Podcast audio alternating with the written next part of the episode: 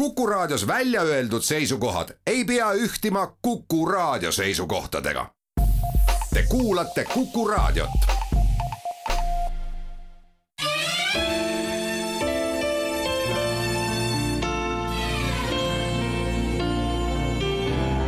nädala raamat. Tyler James ja Silvia Patterson, Minu Amy, elu, mida jagasime, kirjastuselt Varrak ilusat uut nädala algust, head kuulajad!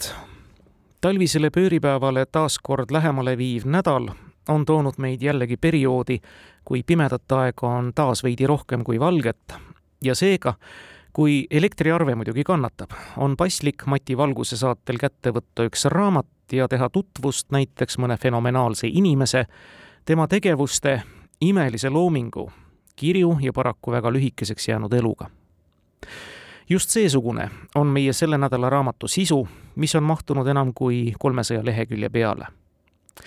see kirjastuse Varrak välja antud raamat kõneleb niisiis pööraselt heast lauljast Amy Winehouse'ist, kelle sünnist muide pisut enam kui kuu tagasi möödus kolmkümmend üheksa aastat paraku on aga nõnda, et viimased üksteist ja pool aastat teda enam meie hulgas ei ole ja Winehouse täidab seda kurba nimistut mida kutsutakse kahekümne seitsmeste klubiks. meie nädala raamat ilmus originaalis alles eelmisel aastal, kui Winehouse'i surmast möödus kümme aastat ja tuleb tunnustada kirjastust Varrak, kes ilmselt sisuliselt kohe võttis ka raamatule õigused ja pärast Liisa Koppelmaa tõlget on see raamat nüüd ka mõnda nädalat olnud juba meie poodides nähtaval kohal müügil. toimetaja töö ja korrektuuri on raamatule teinud Valli Voor head kuulajad, meie selle nädala raamat nagu on varalahkunud lauljatele biograafia ja ta nagu ei ole ka seda. tuleb tunnistada, et seda tegelikult ju meisterlikult ja ülevaatlikult kirja pandud teost lugedes tabasid need mõtted siinkõnelejat ühte lugu.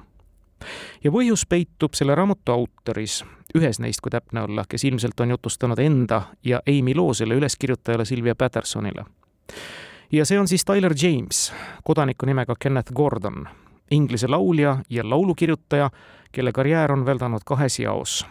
esmalt selle sajandi algusest kuni aastani kaks tuhat viis ja siis pärast pikemat pausi aastast kaks tuhat kaksteist kuni tänaseni välja. Tyler James oli Amy Winehouse'i lähedane ja vist ka kõige lähedasem sõber ning saatusekaaslane päris lapsepõlvest peale kuni lauljatari surmani ja ütleme siinkohal ka kohe ära, et kindlasti ta polnud mitte poissõber või Amy Winehouse'i mees. seda rõhutab raamat raamatu autor korduvalt, et kindlasti tal ei olnud seksuaalsuhet Amy'ga, aga ta oli siiski tema elukaaslane, kes aastaid elas koos Winehouse'iga ühes samas majas ja nagu öeldud, peaaegu kuni lauljatari surmani. ja olgugi, et raamat kannab pealkirja Minu Amy, kõneleb see vähemasti esimese poole jagu Tyler Jamesist ikka rohkem kui Amy'st vahemärkusena ei saa juurde lisamata jätta, et et eh, muidugi, õige varsti pärast Winehouse'i šokeerivalt varajast surma ilmus temast juba üsna mitu eluloo raamatut ja tuntumad neist kandsid kõik sarnast pealkirja. Amy Winehouse'i isa Mitch, kellega tütar oli muide väga lähedane, avaldas raamatu pealkirjaga Amy, minu tütar. paar aastat hiljem tuli oma raamatuga välja ka Amy ema Janice ja see raamat kandis pealkirja Amy't armastades, tema ema lugu ja umbes samal ajal muide oli ka Londoni juudi muuseumis väljas ka näitus Amy Winehouse'i isiklikest asjadest ja selle näituse panid kokku lahkunu vend ja täditütar ning näituse pealkiri oli Amy Winehouse, perekonnaportree ja miks just juudi muuseumis, kui keegi veel ei tea, siis lauljatar oli isa poolt juudi verd, kelle vana-vana-vanaisa emigreerus kunagi Londonisse veel üle-eelmise sajandi lõpus Minskist ja Amy'gi muide õppis mõnda aega juudi pühapäeva koolis, aga üldiselt ta oma päritolu ei afišeerinud ja ka religiooni ei harrastanud. aga see selleks. jätkame veel nädalaraamatu autoriga tutvumist, kuivõrd ka see temast endast palju kõneleb. kellega on siis tegemist? Nagu öeldud, Briti laulja ja laulukirjutaja, kelle loomingut ja karjääri muide sobib vast kõige enam iseloomustama talle antud ametlik hüüdnimi, Briti Justin Timberlake Tyler Jamesi karjääri esimene ots kulges sarnaselt Amy Winehouse'i omaga. Nad mõlemad olid imelastena tuntust kogunud juba varasest noorusest saadik, andekate ja väga keerulise iseloomuga natuuridena. Mõlemad õppisid vähemasti ühiselt. Mingi aja Londoni kuulsas Sylvia Youngi teatrikoolis laulmist ja nad mõlemad korjas üles ka plaadifirma Island Records samade mänedžeridega. Mõlema karjääri algus oli ka pöörane, tõi noortele sisse enneolematu hulga raha ja kaasnevalt sellega ka probleeme. ja kuidas me neid siis nimetame, ikka otse probleeme sõltuvuste ja elustiiliga see eelviimane ehk siis sõltuvus viiski lõpuks siit ilmast Amy Winehouse'i, kes suri kahekümne kolmandal juulil kaks tuhat üksteist alkoholi liigtarvitamise tagajärjel ja nüüd põhjus, miks ma juba raamatu nimitegelase surmani meie nädalaraamatu tutvustuse algusminutite juures jõuan, seisneb asjaolus, et sellest alustab ka Tyler James meie nädalaraamatut, kirjeldades kahekümne teise juuli päeva ja õhtut tollest samast aastast. Tyler James oli juba mõnda aega tulenevalt Amy sõltuvusest lauljatariga elanud kokku-lahku elu. Halbadel perioodidel, kui Amy nädalate vältel selget päeva ei näinudki, oli ta ära kolinud ja pärast järjekordset teraapiat ning häid ja Amy kaineid nädalaid tagasi kolinud, kuniks uude musta auku kukkumiseni. Oma elu eelviimasel päeval helistas vindine lauljatar korduvalt Chiile, nagu ta teda kutsus ja keelitas teda muudkui koju naasma James kirjeldab neid kõnesid ja oma hinges toimuvat üsna detailselt, lisades juurde ka need mainitud head ja halvad perioodid purjutava lauljatari elus ja otsustab jälle teha katset. tsiteerin. avasin välisukse oma võtmetega ja läksin otsemaid Amy magamistuppa, mis asus ülakorrusel. ta tegi seal kõiki neid asju, mida tagasilanguse ajal ikka kõlaritest, mis olid ühendatud tema sülearvutiga, kõlas üle võistluse vali muusika tavaliselt oli selleks Mos Def, aga seekord müürgas The Specialsi lugu Ghost Town. seisin tema toa uksel ja jälgisin mängu.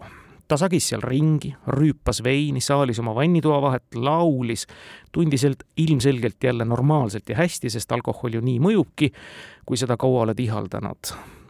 Läksin täiesti endast välja, närvid ütlesid üles selline elu ei ole enam kuskilt otsast normaalne, tore ega lõbus, see on püsti ogar teadsin, et ajan ta närvi. ma ei olnud oma õigustatud viha kunagi tema peale valanud, vaid alati teda toetanud, aidanud, armastanud, kuid nüüd oli mul sellest kõrini saanud. astusin tema sülearvuti juurde ja virutasin selle kaane kinni. äkitselt võttis maad vaikus. mida kuradit sa teed, kisendas ta. ma kuulasin muusikat. Istusin tema voodiservale ja nüüd oli minu kord karjuda sa ei tohi enam juua, niimoodi ei tohi rohkem juhtuda. me ei saa muud kui ringiratast tammuda, tagasilangus, tagasilangus, tagasilangus. me oleme tuhat korda haiglas käinud, arstid on sõnaselgelt öelnud, et kui sa veel jood, siis sured. Nad on sind isegi kirjalikult hoiatanud, sul ei ole enam valikut, kas mõistad, mida sa minuga teed? tsitaadi lõpp see episood kulmineerus taas kord sellega, et Tyler James võttis oma koti ja läks, sest ta enam ei suutnud. aga lootis, et järgmisel päeval on mõlemad rahunenumad, et ta võiks siis taas proovida ja äkki nüüd jääb Amy siis päriselt ka kaineks. niisiis otsustas James minna järgmisel päeval, see oli kahekümne kolmas juuli kaks tuhat üksteist. ja selle tõdemusega too sissejuhatav peatükk ka lõpeb üsna minoorne sissejuhatus, tegelikult üldse mitte nii minoorsele raamatule, mis nagu öeldud, võtab siis luubi alla tegelikult ju kahe noore ja andeka muusiku elu ja tegemised, mis suuresti rööbiti kulgesid. head kuulajad, küllap te teate, mis asi on armastus esimesest silmapilgust. aga kas te teate ka seda, mis on armastus esimesest noodist? meie nädalaraamatus on seda armastust esimesest noodist kirjeldatud imeliselt ja pidagem meeles, sest seda palub raamatu autor Tyler James, et tegemist on sõpradevahelise armastusega. see juhtus Londonis Silvia Youngi teatrikoolis. tsiteerin. ta oli kaheteistkümnene, peaaegu kolmteist, kuid paistis välja nagu üheksane. pikkust vaevu sada viiskümmend sentimeetrit, pikad tumedad juuksed, väike juuditar Põhja-Londonist olime samas erialatunnis, kuna ei osanud üldse tantsida innukad jalaheited ja džässikäed polnud lihtsalt meie ampluaa. tema tõusis kõigepealt püsti. ta kandis rõivaid, mida me kõik pidime kandma. koolivormi, mis koosnes hallidest pükstest ja suurest sügavpunasest veekaelusega džemprist. ning siis avas ta suu. ma ei suutnud uskuda, ei oma kõrvu ega silmi see tilluke tüdruk laulis nagu neljakümneaastane kogenud džässituus, kes kaanib päevas sisse kolm pudelit viskit ja suitsetab ära poolsada punase Marlboro sigaretti. ilmselt ta juba suitsetaski neid. tema hääl oli ebamaine, ta kõlas nagu Nina Simone või Dina Washington. kuna mina polnud džässi alal eriti asjatundlik, oskasin seda vaid võrrelda Marilyn Monroe sünnipäevalauluga John F Kennedyle. ta lõpetas enda versioonis etteaste ja võttis istet. Siis tõusin mina ja esitasin oma Stevie Wonderi kaveri. pärast tundi kõndisime koos välja ja ma pahvatasin. kes kurat sina oled, sul on täiega äge hääl. ta ei jäänud vastust võlgu. sinul on täiega crazy hääl. tsitaadi lõpp ja tollest hetkest siis tõepoolest käivitus nende kahe äärmiselt andeka inimese, Tyler Jamesi ja Amy Winehouse'i sõprus, millele vundament oli rajatud tegelikult juba oluliselt varem. James kirjeldab pikalt enda päritolu lugu. tema oli siis pärit Londoni East Endist, eraklik ja seeläbi ka üsna erandlik poiss, keda ei köitnud sama kandi noormeeste elulaad, mis viis viimased üldiselt ikka halvale teele Amy pärines niisiis Põhja-Londonist, otsast siis juudi verd perekonnast ja elas üle perekonna lõhkimineku, isa pettis ema teise naisega, aga jäi ometi mõlema vanemaga väga lähedaseks. ja see pöörane andekus avaldus mõlemas noores üsna varakult ja tõi kaasa ka nende natuuride õrnuse, mis omakorda tõukas ka noored üsna kiiresti pahede poole. ja nendest pahedest kirjutab Tyler James üsna ausalt, üsna otse ja üsna naturaalselt. tsiteerin Amy hakkas jooma enne mind. ta oli siis ehk kaheteistkümnene. kanepit oli ta suitsetanud kogu meie tutvuse kestel. Kui olime viieteist või kuueteistaastased ja depressiivsed, jõime pidžaamapidudel pudelite kaupa huutši ja märkasime, et see tegi enesetunde paremaks. vähemalt ajutiselt. keemiast sai üha sagedasem abimees, iseäranis Amy jaoks kui ütlesin talle, et ma olen tõsises depressioonis, vastas ta, tule homme minu poole ja joome midagi, tõmbame kanepit tal oli alati selline suhtumine. kui need asjad enesetundele hästi mõjuvad, siis miks mitte? Tsitaadi lõpp. ja see on vaid üks nimetatud kirjeldus, seejuures üsna leebe, meelemürkidest ja pahedest, mida autor pakub tegelikult ikka üle mõistuse meie nädalaraamatus palju. ja kohe nii palju, et esimese hooga vast lugeja ei võtagi mõistusega, kuidas selle kõige kõrvalt said nende mõlema karjäärid üldse kulgeda ja veel säravalt kulgeda aga said ja küllap on nendes kirjeldustes, kuhu hiljem lisanduvad veel kokaiin, heroiin ja elu, kus siis autorist tegelane kohe ilma kahe pudeli kange napsita päevas üldse elada ei saa, ka midagi sellist, mis tõlkes võiks kaduma minna mida ma tahan öelda, et võib-olla, et siis angloameerika lugejaskonnas, kes sellest popkultuuri maailmast vähe rohkem teab, äkki nende jaoks see midagi ennekuulmatut ei olegi. aga tolle muusikalise poolega nüüd edasi minnes, kui Tyler James suutis Youngi teatrikoolis hoolimata selle elitaarsusest ja tegelikult ka üsna kõrbedast õppemaksust edasi õppida, siis Amy lahkus sealt üsna varsti.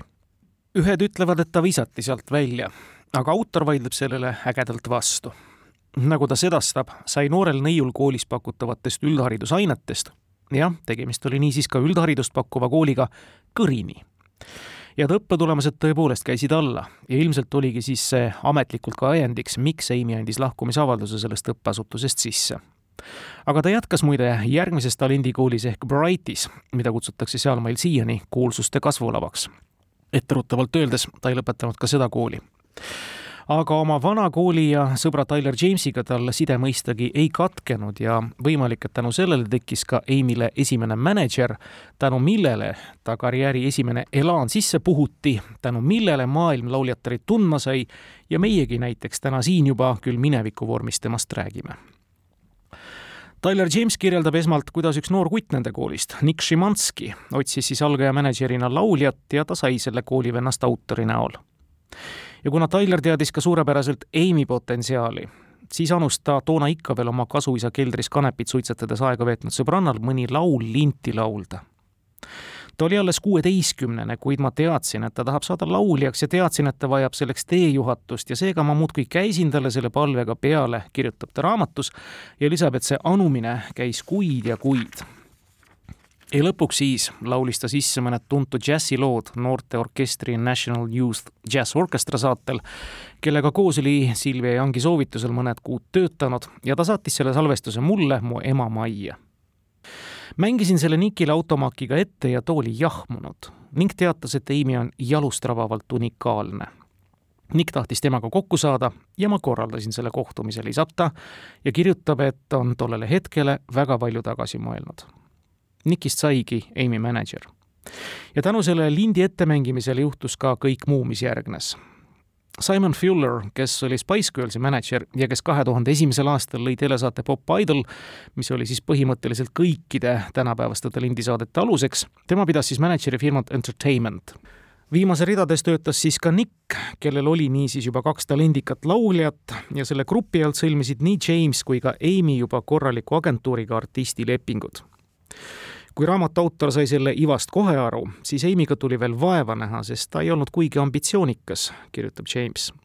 ta oleks võinud vabalt istuda vaata et elu lõpuni oma toas, laulda, kitarri mängida ja kanepit suitsetada. Nikil kulus tunde, et Amy voodist välja meelitada ja stuudiosse tirida, kõlab meenutus ja see vaev, kui Amy oma loominguga lõpuks stuudiosse salvestama jõudis, oli lõpuks seda väärt. Amy'le pakuti plaadi tegemist produtsent Kai Muuti käe all plaadifirmas EMI ja too leping oli väärt kakssada nelikümmend tuhat naela. Amy oli saanud järsku majanduslikult sõltumatuks aga lepingu sõlmis lauljatar siiski plaadifirmaga Island Records ja kuidas asi nii kaugele jõudis, sellel autor paraku pikemalt ei peatu. küll aga summal, kakssada viiskümmend tuhat naela ja toonase üheksateistkümneaastase Amy oskamatusel selle rahaga ümber käia. Sest võis ju valida ka arulageda kulutamise tee ja just selle Amy valiski ostis hunniku Laubotini kingi, hulga kleite, lõputult kitarre ja muusikaraamatuid, tellis kallist Hiina ja India toitu, ostis hulga superhero nukke ja koomikseid ja kõiksugu muud jama, mis hing vähegi ihaldab ta pääses viimaks eemale oma vanematest ja lapsepõlve kodust ning sai olla selline, milline ta alati oli tahtnud olla, vaba. Kahe tuhande kolmandal aastal ilmus Vaimi Winehouse'i debüütalbum Frank, millele, nagu ka järgnevatelegi, oli antud jõuda Briti ja maailma edetabelite tippu tõsi, ka selle plaadi valmimise loost ei rääkinud Tyler James Gurmanile kuigi palju aga seda rohkem vahendab ta siis toonase perioodi tegemisi küll siin ja sealpool Atlandi ookeani, mida kaks noort suurest rahast ja alanud või kohe-kohe algavast edust tiivustatuna, loomepalangust innustatuna kõik ära tegid. Ja ei pea vist lisama, et need on siis pidu, valu, pidu, valu tüüpi tegemised ja kirjeldused, mida jagub meie nädala raamatusse üsna mitme peatüki lugemise jagu. head kuulajad, meie nädalaraamat lisaks sellele, et ta jutustab ühe lähedase sõbra loo Amy'st ja jutustab ka kahe noore inimese väga südamliku sõpruse loo, heidab ka üsna halastamatu pilgu muusikatööstuse telgitagustesse. Mis nagu aimata võite, võib olla üks üsna ränk vaatepilt. Ja õnnelikud on need artistid, kes suudavad lavale tulla või albumile laulda nõnda, et sellest ei paista välja tehtud roppu tööd, ränka vaeva, seda jubedat balansseerimist iseenda ja teiste hüvangu vahel. meeletut olelusvõitlust, kuhu kindlasti on sisse kodeeritud ka intriigi. Seda valu ja vaeva, mida kergema vastupanu teed minnes minnakse leevendama tihtilugu meelemürkidega meie nädalaraamatu autor Tyler James juhatab oma kaheksanda peatüki sisse tõdemusega, et mitte keegi ei saa päriselt mõista muusikatööstuse tõelist olemust enne, kui on selles ise kaasa löönud ja seda elu elanud. kui oled artist, möödub vahel palju kuid, isegi aastaid, ilma et leiaksid aega enda, sõprade või pere jaoks. olen kella neljani stuudios, istun autosse, jõuan pool tundi hiljem koju Amy ajab end üles ja sõidab Saksamaale või kuhu tahes, kirjutab James ja tõdeb, et Amy Winehouse'ile võis see seda enam olla raske, et ta ei olnud laiatarbemuusik. ei olnud edetabelite tipus, kuid tegi debüütalbumile Frankile palju promo, palju rohkem kui albumile Back to Black, mis menukamaks osutus. Amy meel pidi olema väga hõivatud ja muusikatööstus suudab väga hästi su meelt hõivata, mõneks ajaks, kuniks enam mitte iga päev turneel pidevalt koos bändiga, sadu uusi inimesi igal päeval, oled ülestimuleeritud ja loomulikult pidu igal ööl. teed, mida armastad, inimesed aina sinu geniaalsust ja annet kiitmas ja äkitselt pole sul enam midagi. tsükkel on läbi. album, promo, turnee, kõik on läbi. sa peaksid tagasi minema oma Camdeni korterisse ja lihtsalt normaalne olema. ja pärast Franki ilmumist see kõik järsku lauljatele kätte jõudiski ta sattus segadusse ega olnud õnnelik ja tal oli tõeliselt igav. ning see kõik muutis teda. näiteks Amy puhtuse armastus võttis sisse obsessiivse pöörde. ja nüüd võeti omaks ka täiesti öine eluviis ta koristas terve öö oma Adidase dressides ja kummikinnastes, kuulas muusikat ja möllas puhastusainete tolmuharjade ja moppidega, see oli raugematu hullus, kirjeldab James seda perioodi. Amy nõrkusi arvestades oli omamoodi loogiline seegi, mis järgnes pahedega esimest korda juhtus nii, et ta ärkas kell üksteist hommikul ja teatas. Läheme pubisse. ja jõi keset päeva. Gee, läheme lihtsalt pubisse ja mängime piljardit mind ajas selline jutt närvi, sedastab autor. mina võisin ka kogu päeva Jack Danielsit juua, aga see ei muutnud mind paralüütikuks. kaks päeva ma võisin ju seda teha, kuid kolmandal päeval oli asi minu jaoks ammendatud. ja seesugune elustiil tõi siis Amy ellu kaasa uued tutvused, sealhulgas ka suhte Blake'iga, tema esimese ja ainsa abikaasa Blake Fielder Civiliga Blake oli algul lihtsalt üks kutt, kes Amy'le meeldis, kuid sõltuvusele altid isikud võivad sattuda sõltuvusse ka inimestest ja nõnda ei kulunudki kaua, kui meeldimisest sai kinnisidee. ja Blake oli ka sõltlane. kui varem oli Amy olnud metoodiline ja koostas alati nimekirju ja see omadus kujundas temast ka laulukirjutaja, siis nüüd muutus ta hooletuks ja lohakaks. ja Blake oli kaos ilmselgelt on autoril Tyler Jamesil Winehouse'i abikaasa suhtes omad ja mitte kõige meeldivamad tunded ja mälestused. mistap tuleb tema kirjeldusi sellest abielust lugeda reservatsiooniga. aga päris kummaline suhe see Emil ja Blake'il kahtlemata oli see kätkes endas mõlemapoolset petmist, sealhulgas ka abikaasa juuresolekul või lähedalolekul ja muidu valvekoeraks oli sel puhul jätkuvalt Amy'ga samas majas elanud Tyler ise ja ega eel ning järgi loetud silmas pidades ei panegi kulmu kergitama järgmine olustiku kirjeldus meie nädalaraamatus. mõnikord tabas mind pärast ärkamist uudist, et peale Blake'i olid kohal ka tema sõbrad. Läksin hommikusööki valmistama ja köögikapil vedelesid heroiini tarvitamiseks kasutatud fooliumitükid. Amy tol ajal ise ei tarbinud, kuid tal oli ükskõik, ta ei mõistnud kedagi hukka. Jeffrey's Place'is toimusid mitmepäevased kodused peod kui pubid kinni pandi, ilmus kohale hulk suvalisi tegelasi, paljud neist kahtlase taustaga. Nad istusid kella kuueni hommikul alumisel korrusel ja tarbisid kokaiini. selles vanuses ei olnud just paljudel omaenda kodu, seega sai Amy korterist põhiline kogunemiskoht. tsitaadi lõpp ja nagu James tõdeb, ei uskunud suhtesse lauljatar isegi, aga mingi kummaline need neid kahte koos hoidis sel pole tähtsust, kas ta on koos selle teise tüdrukuga, meie vahel ei saa nagunii midagi tõsist olema, sest ta on omadega sassis, ütles ükskord Amy. või siis järgmine kord, sellest ei tule midagi välja kunagi, sest me ei saa kunagi päriselt, päriselt koos olla, sest ta on heroiinisõltlane. ja lõpetuseks tõdes päris eimilikult, kui suhe on normaalne, pole see armastus. ta uskus, et tõelise armastuseni viivad vaid kaos, draama ja hullus. ja sellel abielul ei antud tõesti paar aastatki püsida see jäi noore naise ellu ka ainsaks abieluks. pikemaid suhteid jõudis Amy Winehouse pidada oma elu jooksul kolm. nukrad või vähemasti eripärased olid nad raamatu kirjelduste järgi kõik vahetades nüüd veidi teemat, head kuulajad, ja keerates tonaalsust veidi helgemaks, oleks nüüd paslik rääkida kindlasti sellest, kuidas Amy Winehouse oma lummavaid laule lõi. Tyler James on meie nädalaraamatus seda protsessi nii ilusti kirjeldanud kõigepealt olid tunded, mille Winehouse üles kirjutas. ükski tema lugu ei saanud alguse meloodiast või akordidest, vaid puhtast luulest, mis on laulukirjutaja jaoks väga ebatavaline.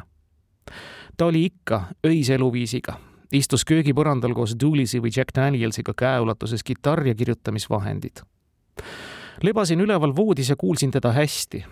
teadsin neid laule juba enne, kui need hakkasid nende lauludena kõlama, vahendab niisiis lauljatariga koos elanud autor albumi Back to Black lugusid kirjutas Amy kahe tuhande kuuenda aasta kevadel, kui aina Blake'i järele õhkas. käis väljas joomas ja tuli siis koju, saatis öö kirjutades mööda. tõusin hommikul üles ja tema uuris, mis sa sellest arvad?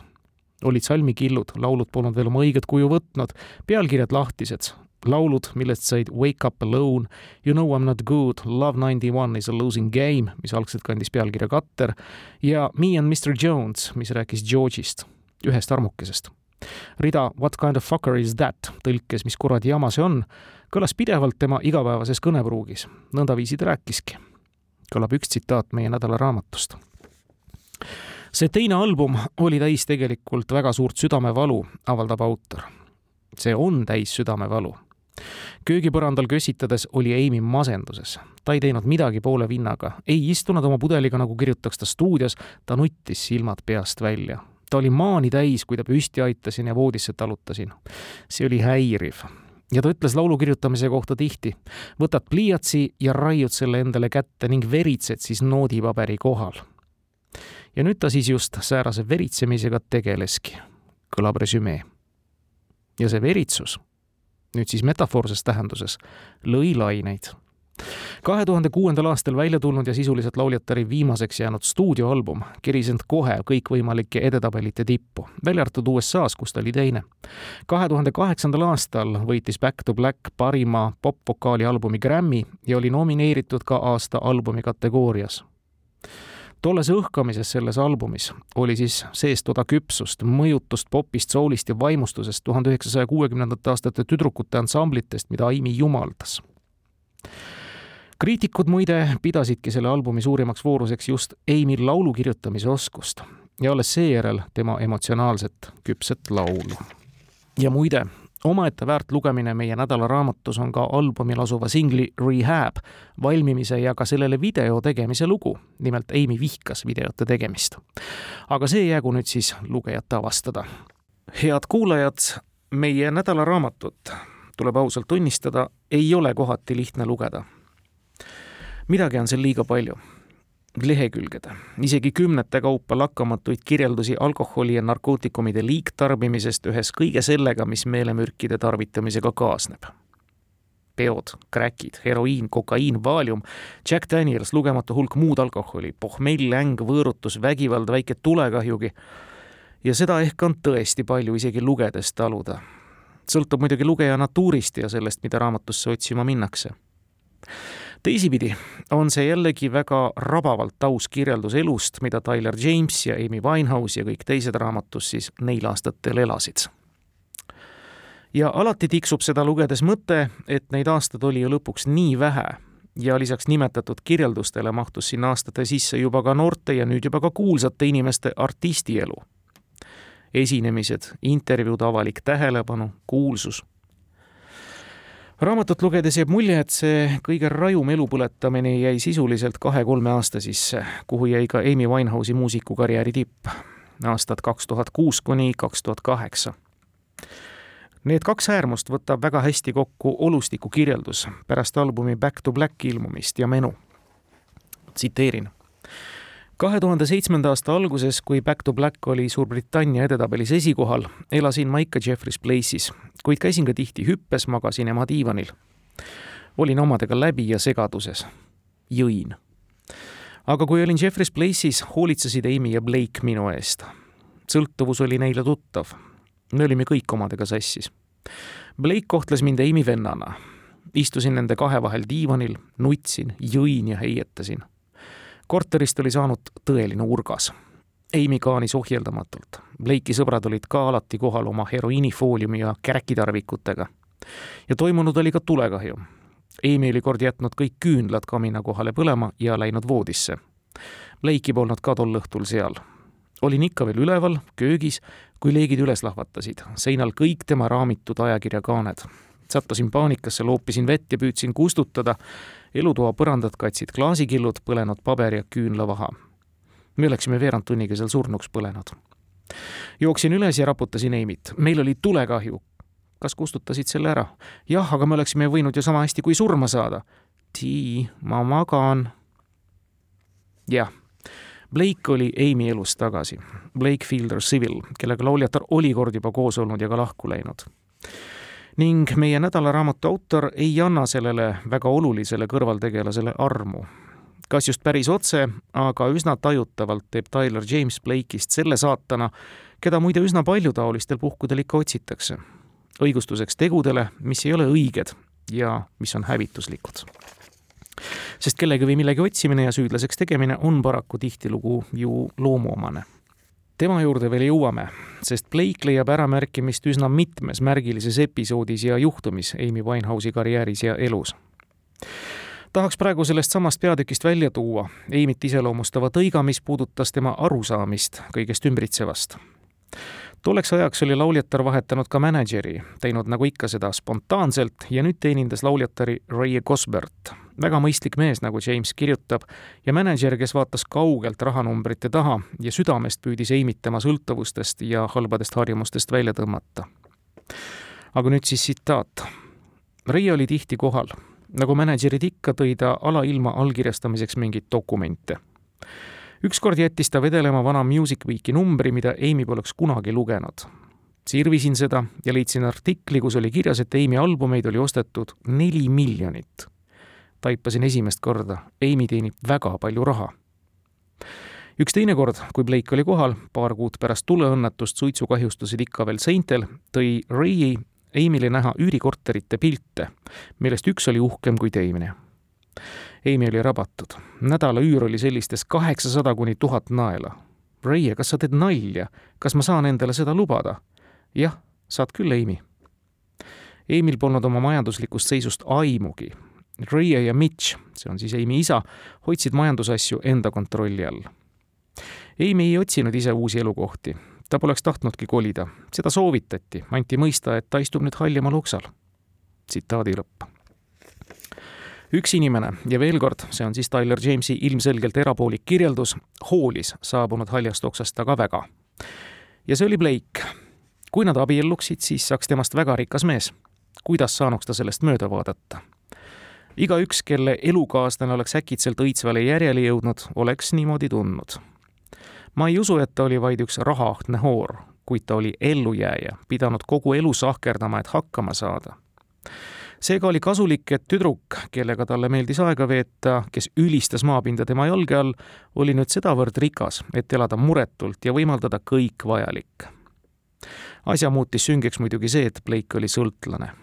seega ta mõtles ilmselt ja ma ei pea enam kunagi muretsema, kust heroiini ja kräki jaoks raha saan. tsitaadi lõpp.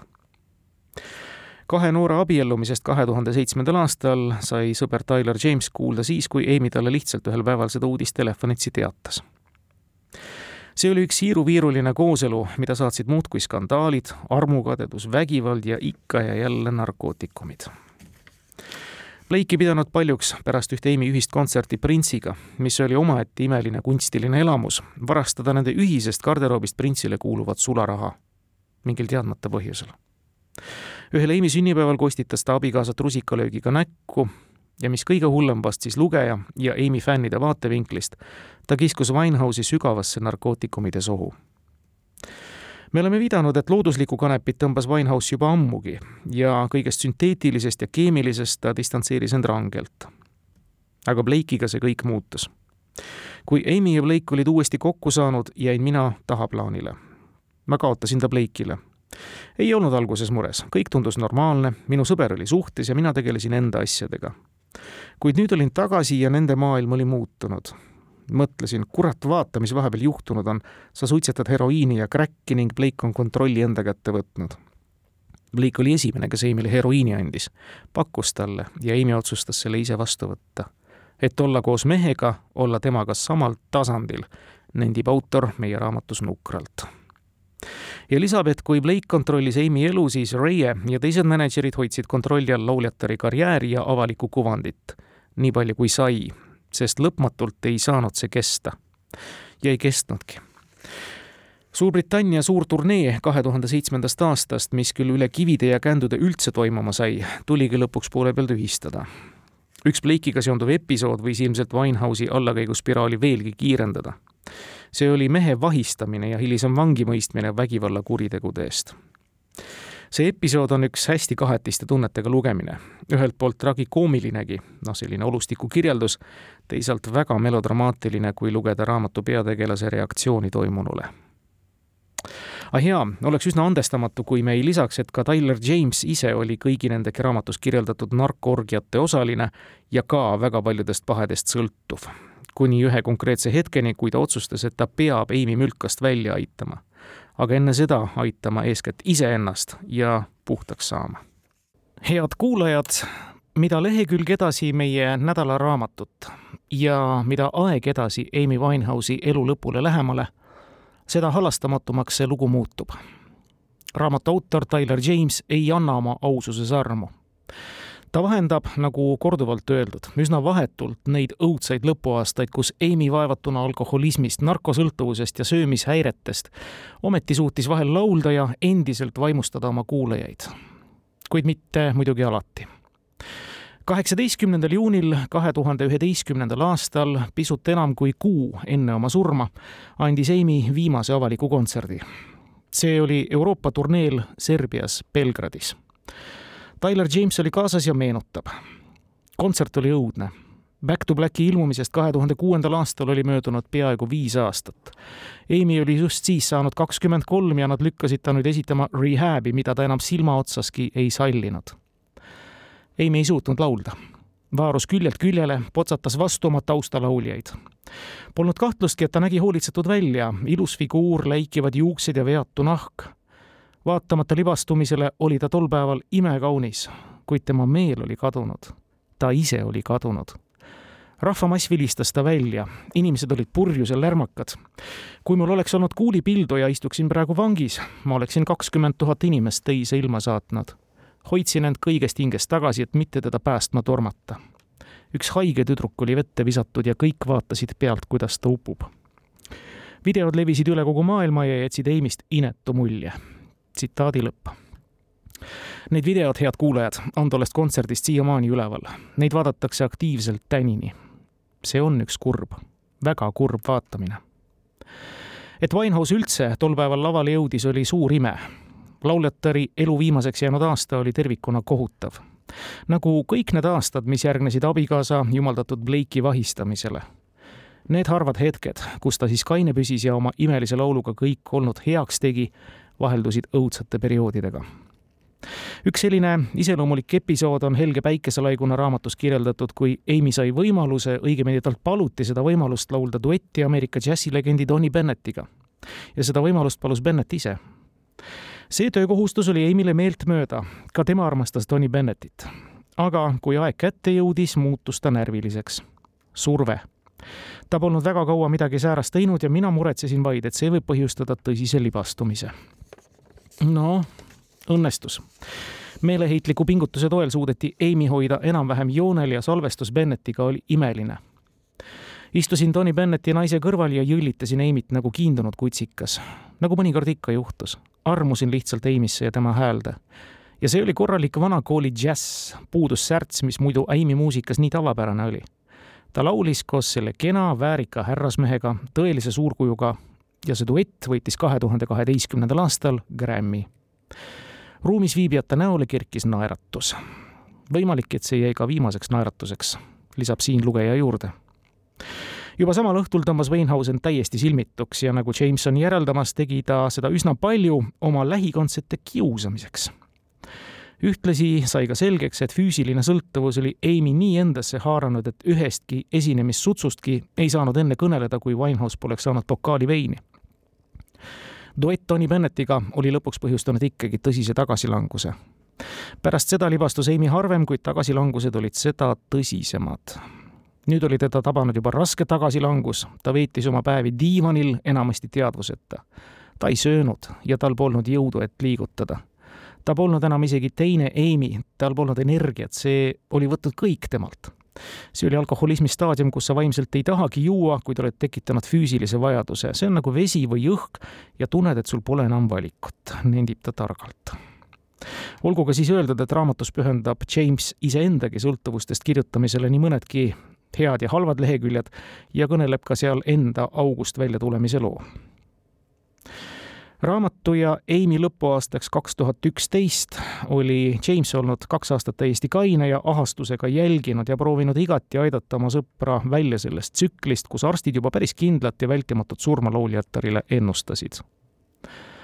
veelgi raskem oli Amy mänedžeridel konsiiliumide kaupa käisid sõbrad ja lähedased täiesti oimetu lauljatariga vestlemas, ähvardamas, anumas, palumas minna võõrutusravile. Ja hästi läks, kui Amy õndsalt naeratades kõigi veenmiste lõpuks palus endale lihtsalt üks drink tuua. tavaliselt lõppesid need episoodid kõik kas mingi raevu või lihtsalt selja pööramisega ja ometi võeti plaani kahe tuhande üheteistkümnendal aastal toimuma pidanud Euroopa turnee seesama, mille avakontsert pidi toimuma ja ka toimus Belgradis. see kontsert jäi turnee ainsaks kohutav on isegi paberile panduna lugeda seda, kuidas täiesti omas maailmas oimetu Amy läbi Londoni Lutoni lennujaama sihtpunkti viiakse, saamata aru, kus ta on ja kuhu ta läheb. seda, mis Serbia kontserdi eel toimus hotellitoas, lava taga, grimmiruumis ja hiljem laval Tyler kirjutab, et see tegelikult oli Amy tahtlik sabotaaž. ta lihtsalt ei tahtnud minna, ta ei tahtnud esineda, ta ei tahtnud mustmiljondat korda oma kuulsamat lugu Rehab esitada. Selle laulu tekkelugu on muide eraldi lahti kirjutatud ja väga põnev lugu elust enesest, kui ühel järjekordsel katsel üritati Amy Winehouse'i viia võõrutuse ravile ja mis sellest kõik sai. Rehab, noh, ehk siis rehabilitation igal juhul järgmiseks esinemiseks sõideti Euroopa turneel Istanbuli ja ehkki Tyleril õnnestus ometi lauljatar suurte pingutuste tulemusena kaineks saada ja ka kainena hoida, otsustati just autori tungival pealekäimiselt see turnee tühistada. lihtsalt, sest Jamesi tabas mingi kõhutunne. ja muidugi järgnes sellele meeletu maineline ja rahaline kahju, aga Amy oli vähemasti selge ja ta taastas jõudu, puhkas Istanbulis ometi vaba kohustustest laulda ja järgmine kuu Eimile viimaseks jäänud oligi suures jaos samasugune. lauljatar tõepoolest taastas jällegi treeningutega jõudu, tundis endas taas loomepalangut ja hakkas pidama plaane kirjastamisfirma rajamiseks. kuni järgmise libastumiseni, millest ka meie nädalaraamat algab ja millest ka me oma tutvustust alustasime nädala algul Amy Winehouse'i surmapäeva, kahekümne kolmandal juulil kaks tuhat üksteist on autor detailideni lahti kirjutanud nädalaraamatu viimased peatükid on täis aga mõtiskelu, kus James Tanini end süüdlasena tunneb ja analüüsib, kas ja mismoodi saanuks ta siiski Winehouse'i päästa. ja nendib, et igal juhul vaata et pea ainsa inimesena, kes saanuks seda teha, ta ennast tunneb. head kuulajad, otsi nüüd kokku tõmmates, see on kindlasti üks omamoodi fenomeniga raamat nõnda raputavalt aus sissevaade popkultuuri maailma, kui soovite, ka siis haiguste ja sõltuvuste suur-suur lugu, mis võib, aga ei pruugi tingimata just selle popkultuuri maailmaga kaasas käia. nagu oleme kusagil juba märkida jõudnud, sõltuvalt sellest, mida lugeja raamatust otsima läheb, ta ilmselt selle ka leiab meil jäi palju ka nüüd raamatust rääkimata, noh näiteks sellest, et ühes alkoholismiga kimbutas Eimit tõsiselt ja eluohtlikultki buliimia aga jäid ka rääkimata veel kaunid hetked selles kurvas lühikeses elus. ja kuidas teisiti, kui mitte järgmiste ridadega saab meie nädalaraamat lõppeda, nende autoriks siis Amy eluaegne lähim sõber Tyler James, tsiteerin. ma igatsen teda. ma igatsen teda meeletult, ma armastan teda. ta on minu tüdruk, ta jääb alati minu tüdrukuks ning vaatamata kogu sellele hullusele ja traumale armastan teda ikka veel üdini lihtsalt armastan. ja olen ääretult tänulik, et tundsin seda väikest hullukest, sest keegi ei tundnud teda nii nagu mina. olen maailma kõige õnnelikum inimene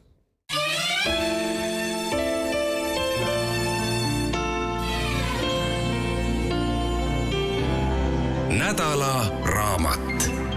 Tyler James ja Silvia Patterson, Minu Amy, elu, mida jagasime. Kirjastuselt Varrak